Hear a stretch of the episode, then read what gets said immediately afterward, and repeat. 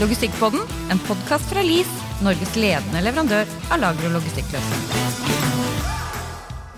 Nytt år, nye muligheter, Børge. Hva var det største som skjedde i 2023, og hvilke forventninger har du til 2024? Ja, godt spørsmål. Eh, Jeg har jo store forventninger til 2024. Eh, Vi ser jo at det er jo en del bransjer som har slitt, og noen har eh, ikke slitt. Eh, Og i i vår bransje kanskje så har vi vel ikke merka så mye i forhold til eh, dårlige tider. Så vi eh, liker jo tror at interessen og ønsket om å både effektivisere og gjøre noe på lagersiden er interessant. Både å høre på og lytte til. Så, det blir, eh, ja, så jeg gleder meg til 2024, for å, for å si det sånn. Du er ikke redd for høye renter og strømpris og hei hvor det går, du da? Du tror det er, du har gode, du har gode vibber, du nå? Ja, det er det som er interessant å se, da, som jeg mm. sier, er jo at, at markedet har på en måte ikke eh, vært så gærent. Jeg trodde det skulle være enda mer still, stillstand enn det har, det har vært i 2023. Så derfor så blir jo 2024 veldig spennende å se hvordan, som du sier, renter og strømpriser og alt det er, hvordan det vil påvirke ja, spesielt innen vår bransje. da. Mm. For det er jo, vi kjenner mange som skal selge, selge eiendommer og trucker og automasjonsløsninger. Og så ja, Det blir spennende å se hvordan det norske, det norske folk tar imot uh, ny utvikling og nye konsepter som, som kommer på løpende bånd. Ja, vi nordmenn er vel kjent for å være åpne, vi er vi ikke det? Eller er vi litt redde for endringer? Men vi skal i hvert fall prøve å hjelpe til i podkasten med å ha spennende gjester i hele 2024. Nå, I år kommer vi til å runde 50 episoder, Børge. Tenk deg det. Ja, det er, eh, det er veldig eh, bra. Så det, det viser at det er interesse for podden, og jeg blir støtt og stadig overraska på faktisk hvem som har hørt på podden, så det, det liker vi. Ryktene sier at du har blitt sånn kjendis. At du blir kjent sånn- igjen på lageret. ja, ja, Ja. det er, det er hyggelig. Det er hyggelig. Men vi kickstarter dette podkaståret med en gjest både vi og dere lyttere har ønsket tilbake. Ja, vi har jo fått eh, en del tilbakemeldinger. eh, Mhm. Sist eh, vi hadde vår gjest på besøk. Og det er jo med stor glede at vi igjen skal ønske velkommen til doktor Jakob Berf, som da kan vi si det på norsk? Han kan litt, litt norsk, eh, Jakob, så jeg sier på norsk velkommen til Logistikkpodden, Jakob. Takk skal du ha. Good to see you. Good to see you guys. Yeah, Good to see you. yeah, How are you? yeah. I'm doing fine, thanks. It's snowing outside, so that's always good. Is oh, not it? always. It not always good, but Uh, at the moment it's good. I can yeah. go skiing. So Yeah, yeah. It's always snowing in January, yeah? Yeah. exactly. exactly. Uh, we did get some question from our listeners after last visit, so I think we will start with that and go on from there. Is that okay? Sure. Okay, first question. Production companies already have a lot of automation in place for production and palleting. Do you see a higher level of logistics automation in such companies than in retail distribution oriented companies? What do you think? Well, actually, I don't. I don't see that, and I do not have statistics about this. But based on my observations and anecdotal evidence, I don't think it is the case that production companies have a higher degree of automation in logistics than retail companies. Or if it is the case, then, uh, and if I'm not aware of it, then the differences cannot be big. Um, although, you know, the question is good because it's reasonable to assume that because production companies are used to working with automation equipment, that the threshold to installing logistics automation equipment should be lower. But I don't think it is the case. And I, I think there are two reasons for that. Now, the first reason is most production companies are small and medium sized companies, and they're really the backbone of most economies. And if you are a small or medium sized company, an investment in warehouse automation is actually something risky and it's a it's a big investment compared to the size of the company. So that is you know with with sufficient funding available that might have that might be different but i think for most companies spending millions on um, on warehouse automation that's probably not within their reach um, not for not for um, production companies. And this is tied to the second reason that i believe is behind a not higher level of automation and that is because the core value adding function of a production company is production. And so if they have money to spend then the return on investment for them is likely to be higher and um, also sooner if they spend the money on production equipment and production improvements. So under conditions of scarcity, meaning under conditions of limited availability of, of funds, of money, any investment a company can make needs to be assessed in comparison to the alternative uh, investments they could make. And if I can choose between an investment in warehouse automation and an investment in production machinery or new processes or new software for the production, or maybe new salespeople to sell my stuff, then probably the latter returns the money faster and in greater quantities. And that's different for mm-hmm. retailers because you know retailers they their core value adding function is well you could say is selling stuff but actually if, if we think about it and especially online retailers e-com companies uh, that don't operate shops their value adding function really is logistics they make their money in the warehouse or they lose the money in the warehouse, um, mm-hmm. depending on how they how well they do it. And in fact, they are logistics companies. All they do besides running a website and purchasing stuff is warehouse operations. Mm. And some of them are aware of it and act accordingly. And then they spend a lot of money and thought on warehouse processes and IT and automation. And others still think they are actually retailers and they spend, I don't know what they spend their money on, but I believe that those who understand that they're really in the logistics industry are more likely to be successful, and those who are not aware of that will face the risk of extinction um, if competition arises. Good answer. Good answer. Yeah, we we just go on ahead to the next uh, question. Um, cost of uh, electrification has skyrocketed in Norway lately. Uh, do you see any impact uh, for a shift towards greener logistic? Uh, I mean, fuel isn't cheap either. So, uh, but I mean, in Norway also, electricity has normally been quite cheap, uh, very cheap actually, but it's no longer, you know. So, and what consequence do you think this will have for for the move to a greener logistics and warehouse operations? How much time do you have? Make it um, short, Jakob. okay, so well, okay, let me start let me start with something that doesn't answer your question. Um, so mm-hmm. I, I, take a bit issue with the term green logistics mm. um, for a couple of reasons. Now, the the term green logistics, I think, is not well chosen. It's it's chosen by many companies, to be clear, but I think it's not well chosen um, to the extent it relates to CO2 savings, which is in the mind of many people when they think about green logistics you know, the color green is associated with um, nature, with healthy nature, because it resembles the color of most plants, right? So I think that's, you know, so it indicates a healthy nature, and so green logistics is something good. Now, the there's one problem, and uh, or more than one problem, but one problem is protection of nature and environment and health of people, and protection of climate, which is related to CO2 savings sometimes they overlap, but sometimes they are they don't. Sometimes they are conflicting. Right. And one prime example of that is if you use light materials like plastic in in order to save emissions, for instance, in transportation.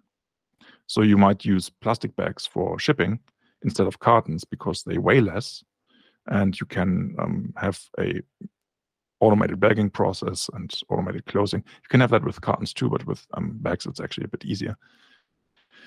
Um, but the problem is these bags, some of them, many of them, uh, will end up in the ocean and they will stay with us for the next 250 years. So they have saved CO2, yes. But is it green? I'm not sure. Hmm.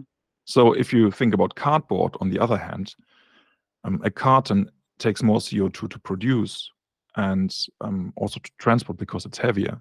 Mm. But then it degrades much faster and it doesn't kill marine life.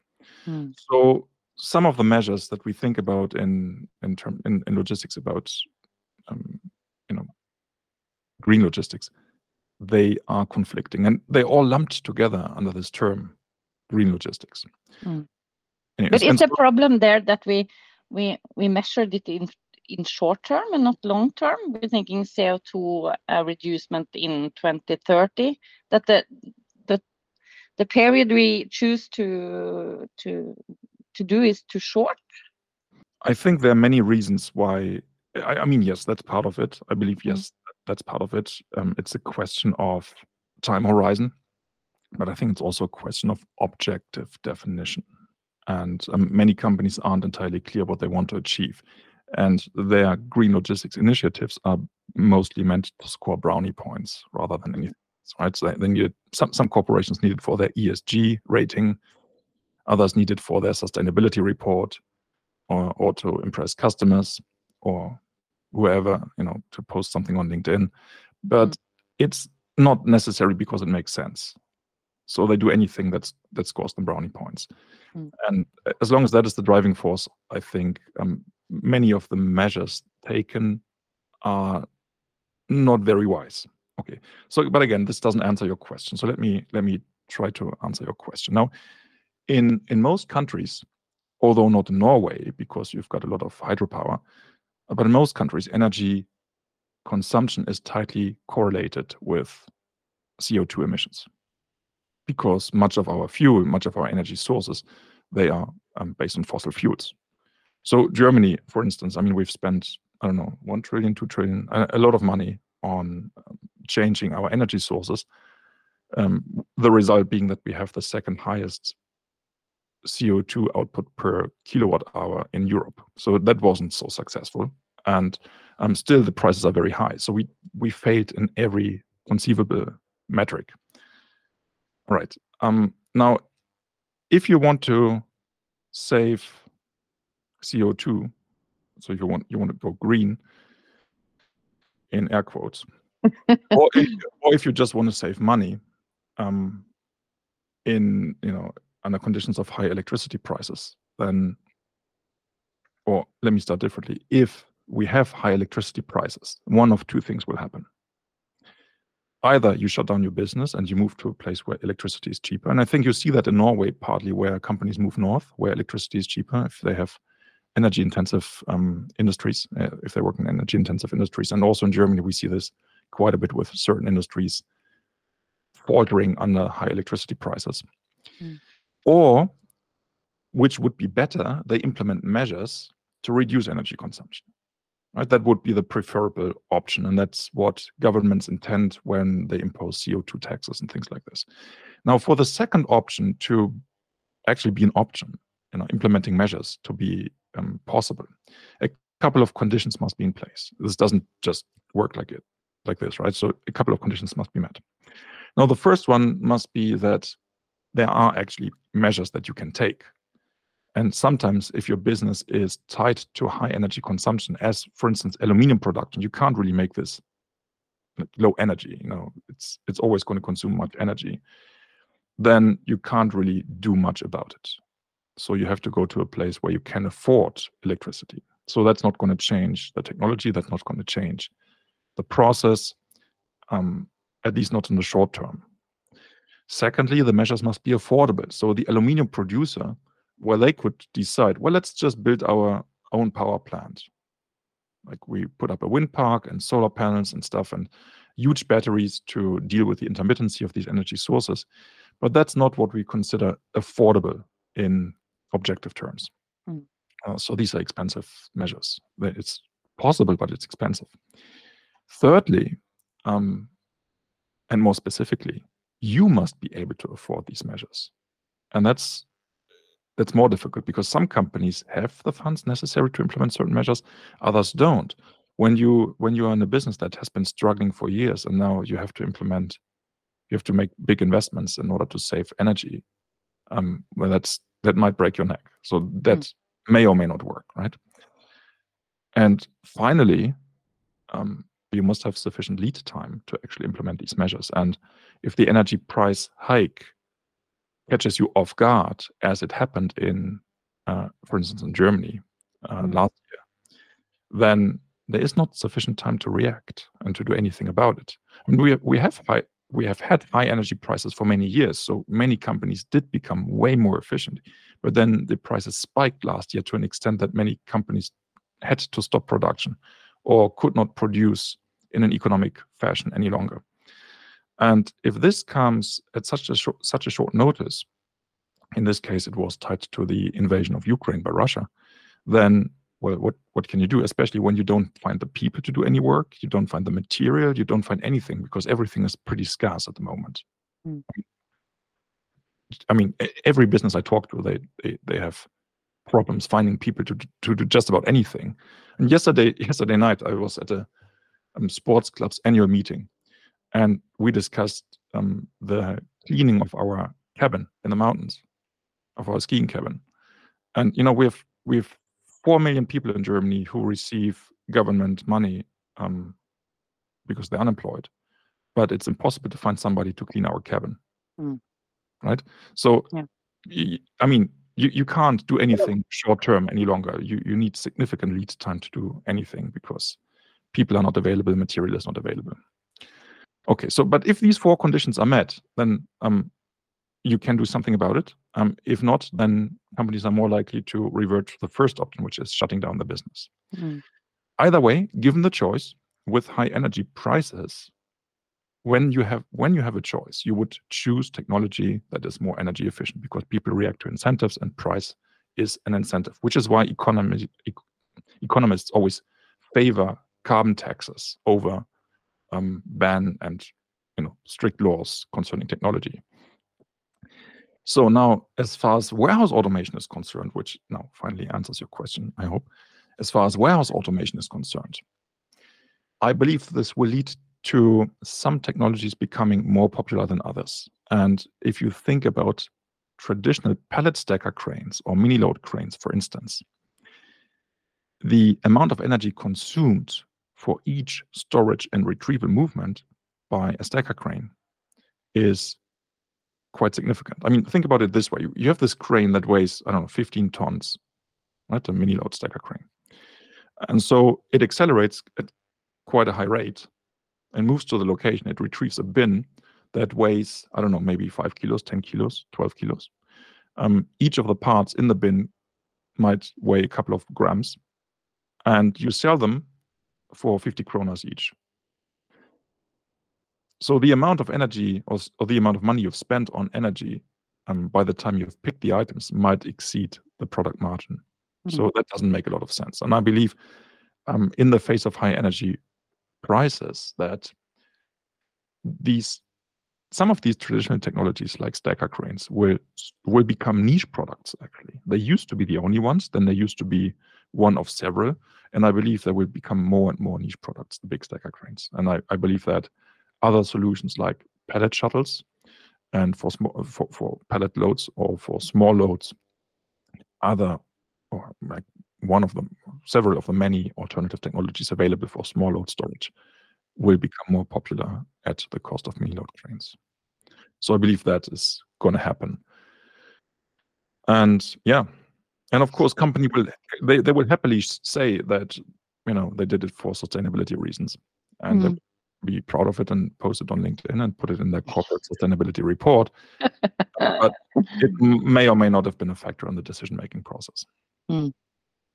And it's difficult because we always uh, always say that you have to uh, put automation in your warehouse so you can build as small warehouse as possible because the larger you build, the stronger your print is. But when electricity is also a, a parameter here, then it gets difficult to, to calculate. It is, and I'm. I mean, for as long as I've been in the industry, we hardly ever talked about electricity prices. No. You know, nobody, nobody really talked about this because um, maybe it's partly because that's um, a different account. You know, it's a different department that takes care of electricity prices. And mm. the people planning the warehouse didn't really care possibly. Um, but also partly because prices were significantly lower than they are today. Hmm. Right, so, hmm. so I believe I believe that high prices are here to stay for quite a while. I mean, we have a shortage of electricity in parts of Europe, particularly in Germany, and particularly since we've um, stupidly switched off our nuclear power plants for no good reason. And um, you were nice enough to put a cable to install a cable to Germany and to Britain, so we can get your electricity, which makes your prices higher. Mm. Um, so I think this is here to stay, and this will certainly reflect on technology choices in the future. Interesting. Okay, next question. Automation has come a long way lately, but even with goods to worker setup rather than worker to goods, we often find that a worker is needed at the point of picking, certainly at logistic facilities in B2C markets. Do you know of any new and interesting innovation when it comes to automations at the point of picking in warehouses? Or is this or is this still too complicated given the great variety in design of F-packs going to the same customer? Okay, just for clarity, F packs are split packs, right? So these are open, open, open D packs, basically. Yes? Okay. that's uh, how I understand the question. Okay. So yeah, uh, I mean, um, when it comes to automation of packing, uh, sorry, of picking, of picking, not of packing. When it comes to automation of picking or robotic picking, let's call it robotic picking. Yeah. Um, we have come quite a long way. Um, I mean, there are some distinct challenges. So the first challenge relates to the actual robot and the actual picking technology, um, which basically is identification of objects, then the the actual picking, and then the placing in the target box if we have to place if we don't just drop. Um, so all each of these three tasks is pretty complicated but we have come a very long way and the robots you can get today are quite capable. So the piece picking robots are quite capable. These are good products and they are very useful if and this is the second challenge they are implemented properly and that is actually a bit difficult, um, the implementation of a robot. So, bit, I mean, nobody wants a robot. Everybody wants a robot integrated in some kind of system, right? So I think that's that's obvious. Mm. You're not going to shop for robots. You're going to shop for a complete solution. So then the first reaction of companies was all right so let's simply replace the pickers that we have at goods to person stations. You know we've already invested in warehouse automation. We have a goods to person system. Let's simply replace the guys with robots. And uh, frankly that was how i thought when we first looked at robots you know back in the day. So that that, that seemed like the obvious solution. Mm. okay so then um but if you think about it bit more carefully you will find that things are not as easy. Now the first thing that we should question is the economics of that solution. Because a picker doesn't cost an enormous amount of money.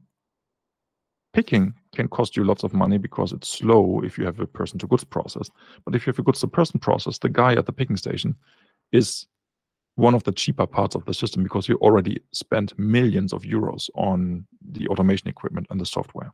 Mm. So the guy at the picking station who cost you 35 grand, that's not the big problem. But he's quite capable. He can pick a large variety of items. He can actually pick all items. Um, he can pick and pack. Um, you don't have to train him to pick new items.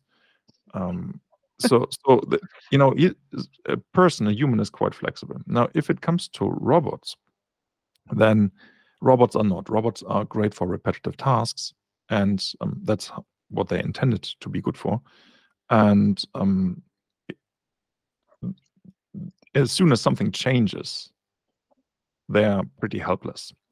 So a couple of conditions need to be met for robots to make sense in the system.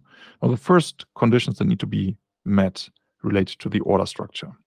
Now, the order structure is the composition of pieces to order lines and of order lines to complete orders, right? So, how many different articles you um, you order if you order something online, for instance, and what quantity of items do you order of a particular article. So, in some industries, that's straightforward in other industries it's not so much. So for instance if you go shopping you, you do you do your your weekly grocery shopping. You go to Coop or Rema or Meny and you buy 50 60 different items. And of some of these items you buy several. For instance you might buy 3 or 4 or 5 liters of milk. Okay so for robotic picking, this is not great because there will be some products which the robot can pick, whereas others the robot cannot pick. And so what you effectively have to have is you have to have two two separate processes, one with robots and one with humans, and then you have to merge the two. And if you have to merge the two, it means you you consolidate and you touch the items that the robot has already picked, which basically removes most of the advantages you can get from robotic picking. So some order structures don't make sense for robotic picking, even though the robot might be perfectly capable of picking a, a significant share of those items unless it can pick all of them, it's not great. Mm-hmm. Okay, so that's that. Um, so way better is an order structure that would have one order line per order and preferably one piece per order line. Because one that, book from Amazon. Yeah, exactly, exactly. You, you, order one book from Amazon. That would be fantastic. And then the robot can pick complete orders and you save the consolidation process. Okay, so then the robot makes more sense. Another issue is um, the separation of picking and packing. So in a retail warehouse, or if you look at many AutoStore installations, for instance, um, they combine pick and pack in the same workstation, which makes sense because then you can save some robot capacity because you you take more time to pick and pack than just to pick. So you need fewer robots to to meet um, the requirements of the pick stations. Okay, you can't do this with robots because packing um, typically requires some additional um, activities in addition to just placing the item in a box or in a carton. So you might have to add some, you know, some additional material as a cushion. Um, maybe you want to add some marketing material, some flyers. You have to close the box or the carton. Uh, it should look nice depending on what you sell. I mean, sometimes it doesn't matter, and Amazon, for instance, doesn't care so much how nice it looks, but um, some retailers do, and then the robot can't do it. So, in the moment you introduce robot, your pick and pack process goes out of the window. So then you have to separate pick and pack, and that might need that might mean that you have to beef up um, your ASRS capacity because now your pickers pick faster because you've separated picking from packing. So then there are additional costs that um, you didn't see coming when you thought the robot is a great business case. Hmm. Okay, so that's that's that. Then, um, if you want the robot to pick fast, um, that's another issue. So, in order to pick fast, you need to drop the items in the target bin and the target carton um, because that's fast. If you place the items carefully, that takes quite a bit of time. So a robot is fast if it can pick and drop, pick and drop, pick and drop, and it's pretty fast. It can do 800, 1200 picks per hour. But if items need to be placed because they're sensitive, then performance goes down quite mm. a bit. And then the um, the advantages that you hope for in terms of labor savings might be much smaller than you expect them to be. Mm. Right. So that's that's another thing. So there are more more things to think about when it comes to robot integration in warehouse, but these are some of the most important ones. And I think it makes clear that the biggest challenge is not so much the robot as such, the robotic technology, which many companies are great at, but it is the integration of the robot in the system. Mm. Now, with that said, I think um, if all, with all of that taken into account, um, it doesn't make sense to build a robot picking system with a big ASRS in the background. I mean, if you have a big ASRS anyway, if you have it already, if you've spent millions on a shuttle system and then you want to install a couple of robotic stations, and if the order structure is right and so on, go for it. That makes sense. But mm. don't build a goods to robot system from scratch with the purpose of installing robots because that is not going to make sense because then um, the cost of the ASRs that you have in the background is so high that you know those few labor robot probably don't overcompensate that. Mm. Um, I mean, you, you, and I, we know we know a company that has a different approach, right? So we um, we work with Pickr, mm. and they have a different concept that does not require goods to person systems or ASRs in the background for robotic picking. I, I believe that makes much more sense. Mm. It's maybe a niche solution for um, for not not for every company, but I believe in terms of logistical, say, um, intelligence, it makes much more sense than goods to robot stations. I know we talked about it last time as well, but because you you you told me last time that you also have to think about the lack of the raw uh, uh, the resources humans. We, as you said, they don't want to clean the cabin. Uh, do they want to work on the warehouse? Is this uh, in the future maybe more important than for 10 years that we don't get any uh, good people working at the warehouse? We can't trust them, but we can trust the robot to show I up. yeah, that's that's a major factor. That's a major factor. I mean, um, it doesn't matter where you go. everybody is complaining about the lack of availability of labor.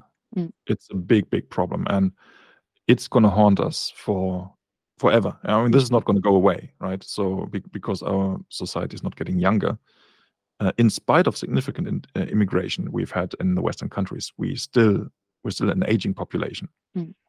and working in a warehouse is not something that people dream of. That's something that you have to do if you find nothing else. That at least that's the case for most people. Mm. So um, yeah, Yeah. I- more and more warehouse automation projects, including robotic projects, will be driven not so much by an economic business case in terms of labor savings to, you know, actually improve your bottom line, but it will be driven by by the necessity to continue business at all. Um, so you will have to increase automation levels. So Mhm.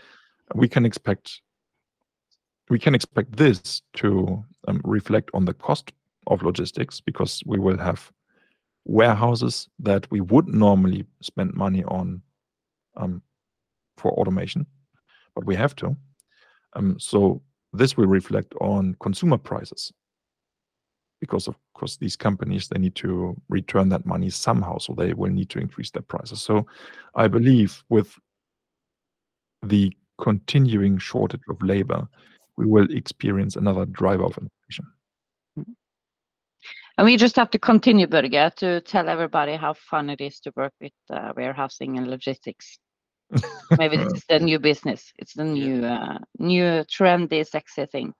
Of course. Yeah. yeah you can you can become a, a warehouse um, influencer you know Yeah. warehouse blogger instead of a food blogger maybe Yeah, And we have uh, Børre, you know, uh, if you see the videos of Børre, uh, it's a character yeah, that yeah, we have. Yeah, Right. yeah, he is uh, a warehouse uh, influencer, so he's Yes. going to go We already, worldwide. we already have one there, so yeah. Yeah, But what I, I think uh, when it comes to when we are talking about robot uh, uh, robots picking items, I I also think that if you if you are not too big, I mean, uh, if you have too many order lines, uh, too many too many picks, uh, it's can be a big problem with the robots. But I see that the project we are looking at now that you know about uh, is that we have also a lot of customers having different kind of solution. It can be uh, vertical lifts, or it can be uh, can be just shelves or whatever. And you have not too many picks per day, but you have suddenly you have ten orders. You have to go there and pick. Suddenly it goes two more hours. You have to go back again because suddenly you get two two more orders. And then you go back to the truck again, and and and through the day you you you you go to the zone to pick those few orders Right. uh, and it's a hassle because it breaks up uh, the efficiency of other things you're doing. Let's say you're in the middle of a process and they call your name, and you have to go and pick 10 or 15 orders, and you have to go put everything from you and you, you, you go there. But if you have a robot picking some, just picking day and night, few orders, and hopefully you, you don't need to invest in in big conveyor system, a buffer for uh, thousand of totes it go uh, uh, a D pack or a D stack or whatever. It, it's that the million just start flowing out. But if you can do it, one robot just pick some goods. I think that might be uh, uh, a good idea to to actually, mm, yeah. I don't know what that's what your opinion on that, Jakob, but uh, it Yeah, sounds I, I agree. I, I agree. So, I mean, when we think about robotic picking, we again, it's it's about the integration, and the integration is on the one hand, it's the technical integration in in an like in an overall system. You know, how do you connect the robots with conveyors and, and or AGVs or something like this? But it's also the surrounding processes.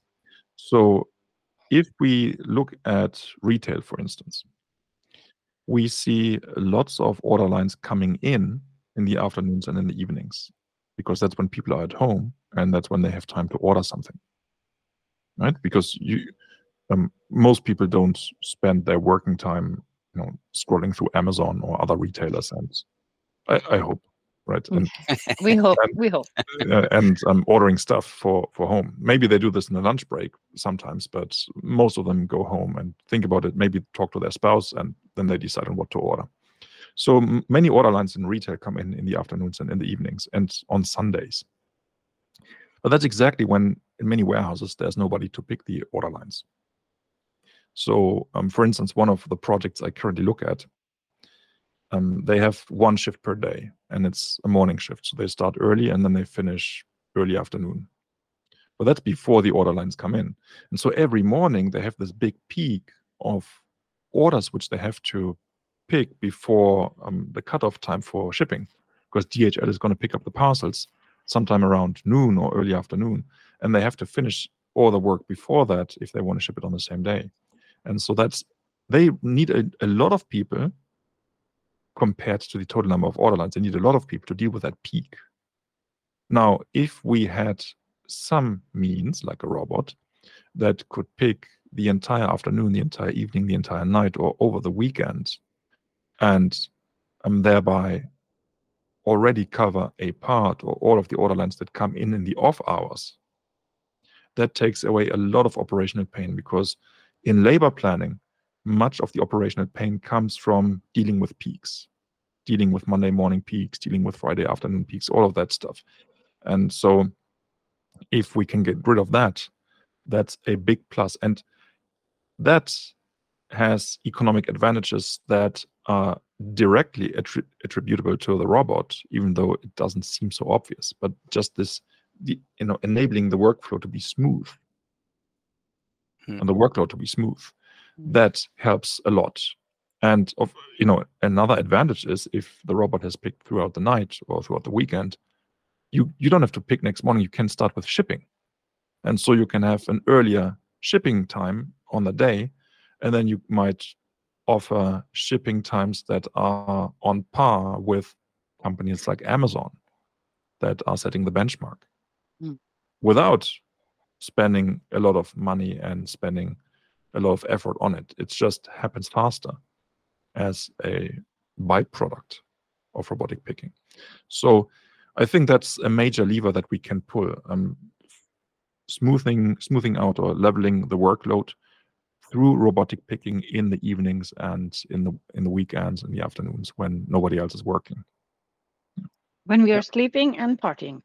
Hmm. Exactly. Uh, AGV As- as we should. Børge? Yeah. Yeah, AGVs also. Yes. Uh, s- yeah, also. I mean, it was uh, uh, hot, hot in the 80s uh, with AGVs, and it's coming probably back. I don't know, but uh, it's a lot of talk about AGVs, and now, of course, automated uh, like uh, autonomous uh, mobile system um, and and AMR and so robots. I mean. Um, and this, you know, follow me. You have a trolley that follows you around, or uh, yeah, whatever, and you can just pick straight to it.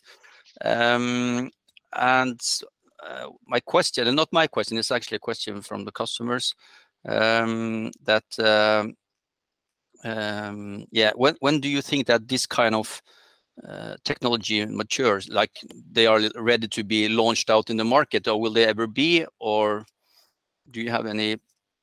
Yeah. Yeah, it, it's a good Thoughts? question. I, I think I first encountered that technology in must have been 2018 or so, maybe 2019, 2017. And there were some big players on the market. There's some smaller ones, but there are also some big players, such as Six River Systems. And if we if we look at Six River Systems, just to use that example, they were acquired by Shopify in some sometime during COVID um, for 400 or 460 million US dollars, something like this. And the only product they had were were these follow me AGVs and the software that belongs to it. And I mean, obviously, even by COVID standards, that company seemed a bit overpriced. And then a couple of months ago, they were sold by Shopify to Ocado for, I believe it was 13 million US dollars. So it was basically for free. I mean, it's, it was a complete write off for Shopify. Now, Um, of course, I do not know all the reasons why the price dropped that sharply, but I believe that one reason is that follow me AGVs, in spite of technological maturity, which they may or may not have, and I believe if they have any problems, then they can be solved. So I, I believe maturity is not an issue here. Um, I think they don't make a lot of sense, to be honest. Um, Hmm. And Explain. so, yes, so so here's one systemic problem. If you want to be fast, and if the AGV, well, if you want to be fast, the AGV has to drive fast, but it's not allowed to drive fast for safety reasons. So with some load on the AGV, you actually are relatively slow and in many cases slower than a person would walk with a pick cart. And now imagine you get paid not only by the hour, but you also have a chance to get a bonus for your picking performance. And you're forced to adapt your speed to the stupid AGV, right? Which removes any chance of getting your bonus because it's too slow. And it doesn't matter whether it's lead me or follow me, you have to adjust the speed to the AGV. Um, so that is a very limited concept. And I mean, of course, technologically, it would be possible to have a different speed for for each picker, you know, like a personal profile for each picker. But then again, there are limits as to how fast this thing can go because of safety considerations. Okay, so that's one thing. Um, the only savings you, if you have a, if if you simply have a person to goods process where you substitute pick carts with AGVs, the only savings you can get are from the distance between the end of your picking and the packing stations, because that's the only distance that you don't walk. Besides that, you walk all the other other distances, just as if you were picking purely manually with a pick cart. Okay, so Six River understood this a little late, but they they did understand it um, after one or two years, and they changed the concept to a zone picking system where pickers would stay in certain zones, and those zones would be dynamically generated.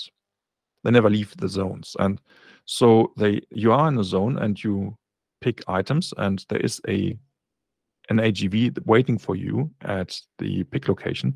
So you pick the items, you place the items in the pick bin on the target bin on the AGV, and then the AGV leaves, and you go to the next AGV that's waiting at some pick location. All right, so that process makes much more sense because you reduce the walking time, provided you've got enough order lines to cover. And um, now, in order for it to work efficiently, meaning to utilize your labor in an efficient way, you would have to have quite a few AGVs in these different zones waiting. Like, I mean, many, because one of the things you don't want is that somebody is idle, standing there in his zone, having nothing to do. Mm. This is something you absolutely want to avoid because you still keep paying that person, but he's not generating any money for you because he's not picking. So effectively, you need a lot of AGVs. And I mean, these AGVs, they don't come for free.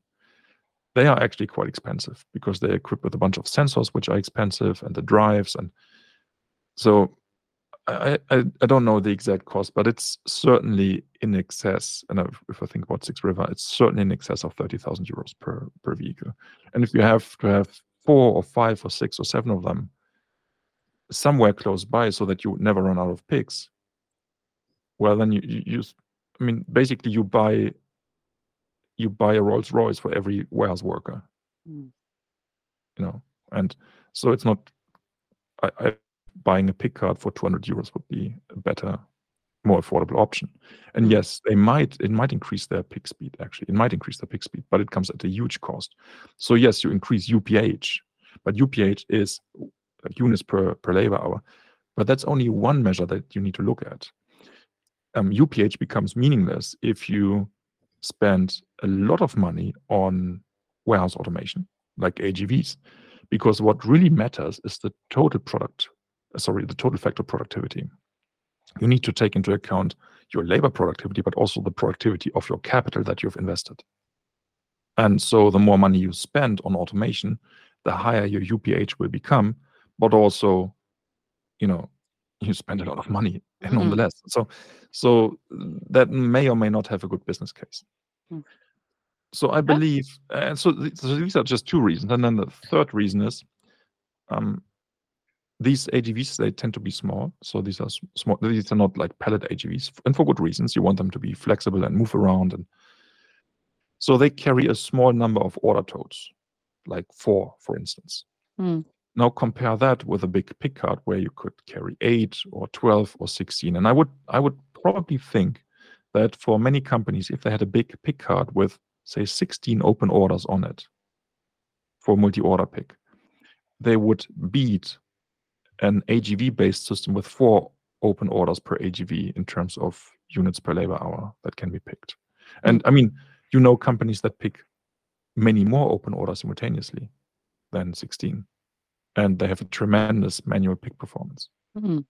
right? So I believe these things are interesting technologically. I don't think they provide a significant economic benefit, if any at all, for many, for most customers. Yeah, That's was- interesting, Jakob. Yeah, but it's always, I think it's always be uh, the, the problem is that people seems to just buy technology without, as you also said before, you go, where, where is the pain? Where is the pain? What are we going to solve? They they are getting uh, romantically involved in, in, the, in the technology and Yeah. and they, they buy things. So because I think everything can fit if you have the right customers, the right weight, the, the weight. I mean, if you have few items weighing a lot of kilos, you have to carry it just a few steps you can put into AGV. So so it's it's, it's I mean that's what I'm missing in this this uh, the things we work with is, is that the customers really has knowledge about what they are going to solve. What what is the problem? Exactly. And, Ob- Objective uh, definition needs to be the very first step, yeah, and you need to yeah, understand what is yeah. it that wh- wh- where does the pain come from. And you know the Yeah. thing is, many problems that we observe in a warehouse are not the actual problems that we should solve, but they are the symptoms of other problems. Mm. Yeah. And uh, and very often, if, I mean, most companies get uh, they understand they need to do something when they think about their picking speed. So many companies are concerned about picking performance. But then the question becomes what influences the picking performance? And then you look at the warehouse, and we talked about this before the recording. I mean, you know, there are many way. I I think the number one problem that we have in logistics is that warehouses are too full. There's too much stuff. But this is a problem that logistics alone as a function cannot solve. So if you look at inventories in warehouses, where do the inventories come from? Well, it's the balance between what comes in and what goes out. And so, who decides what comes in? It's not logistics, it's purchasing. Who decides what goes out? It's not logistics, it's marketing and sales. And so, we need to involve marketing and sales on the one hand and purchasing on the other hand. We need to find out how much inventory and how many products, how many different products do we want to have in our warehouse for it to make sense. But nobody asks logistics. No, nobody asks us. No. You know, the, the logistics engineer or the warehouse operator is the last person to have a saying in a decision about product portfolio of a company. And you know, it makes sense to so for, from a sales perspective, every additional product that you have in that you offer in your web store or in your shop, it increases the chance of sales. And then you've got you know, cross sales on and things like this. So people come for one product, but then they purchase another one as well. And so, from a sales perspective, you want to have as many different products as possible. Also, you want to make sure you never run out of products. And from a purchasing perspective, you want to get a good deal with your supplier. So you buy huge quantities because then you get quantity discounts. From a logistics perspective, we don't want that. We don't want excess inventories in our warehouse because that makes everything worse. So it increases the walking distances. So the picking productivity goes down. Um, you know, it clogs up the space. So we need additional warehouse space, you know, additional warehouses, or we need to invest in automation to compress the footprint of our inventory, which is the main selling point of some warehouse automation companies. You know? And I think a lot of warehouse automation projects would not exist if companies were if companies did a better job at managing the inventory. Hmm. But they Because- don't define the objective properly, so they so it doesn't happen. No, because I don't think uh, uh, whether sales, marketing, or forecasting uh, think about that it actually costs money to to have this on in the warehouse. So if you say 10 crowns buys buying 10, it costs like a hundred to have them in our warehouse. I don't yes. think they calculate it. No. You know that, guys, our time is running out. We have a new concept in this podcast this year. We are going to ask all the guests the same questions, and maybe at the end of the year, we can get some good answer for a normally normal family challenge. The question is, do you have fixed or floated location in your fridge? Okay, the answer is um, I have a mix. I, I mean, first of all, uh, I have a wife, and she sometimes has different ideas as to how to organize the fridge. And of course, Mhm. she makes much better decisions than I than I make because she's much smarter and more beautiful. And so uh, I typically just listen to her and um, do whatever she tells me to do. But if I have a saying about fridge organization, then um, I have some things that always go to the same spot, for instance, eggs um, or milk or meat. And then I have some things that I just put wherever there's space. And I actually I believe that's a good that you know having mixed concepts for warehouses also makes a lot of a lot of Yeah, sense. yeah. Is- But do you remember what you have in your fridge when you go shopping then? If you have too uh, much uh, uh, float the Oh, I don't, I don't, I don't have to because we always have a list. We have a Yeah. Google Docs document, and then both my wife and I we have that on our phone. Um, we share that this on Google Drive, and so everybody has the same idea of what we need to purchase. And since we don't, uh, you know, going to get groceries always is time consuming, and um, so we try to not go, to go too often, and so um, we always have a list. We never go without a list. good software and uh, good uh, planning. Yes, exactly. There's, uh, Perfect. yeah. Yes. Uh, Okay. Thank you, Jakob. All right. Thank you so much. Thank you.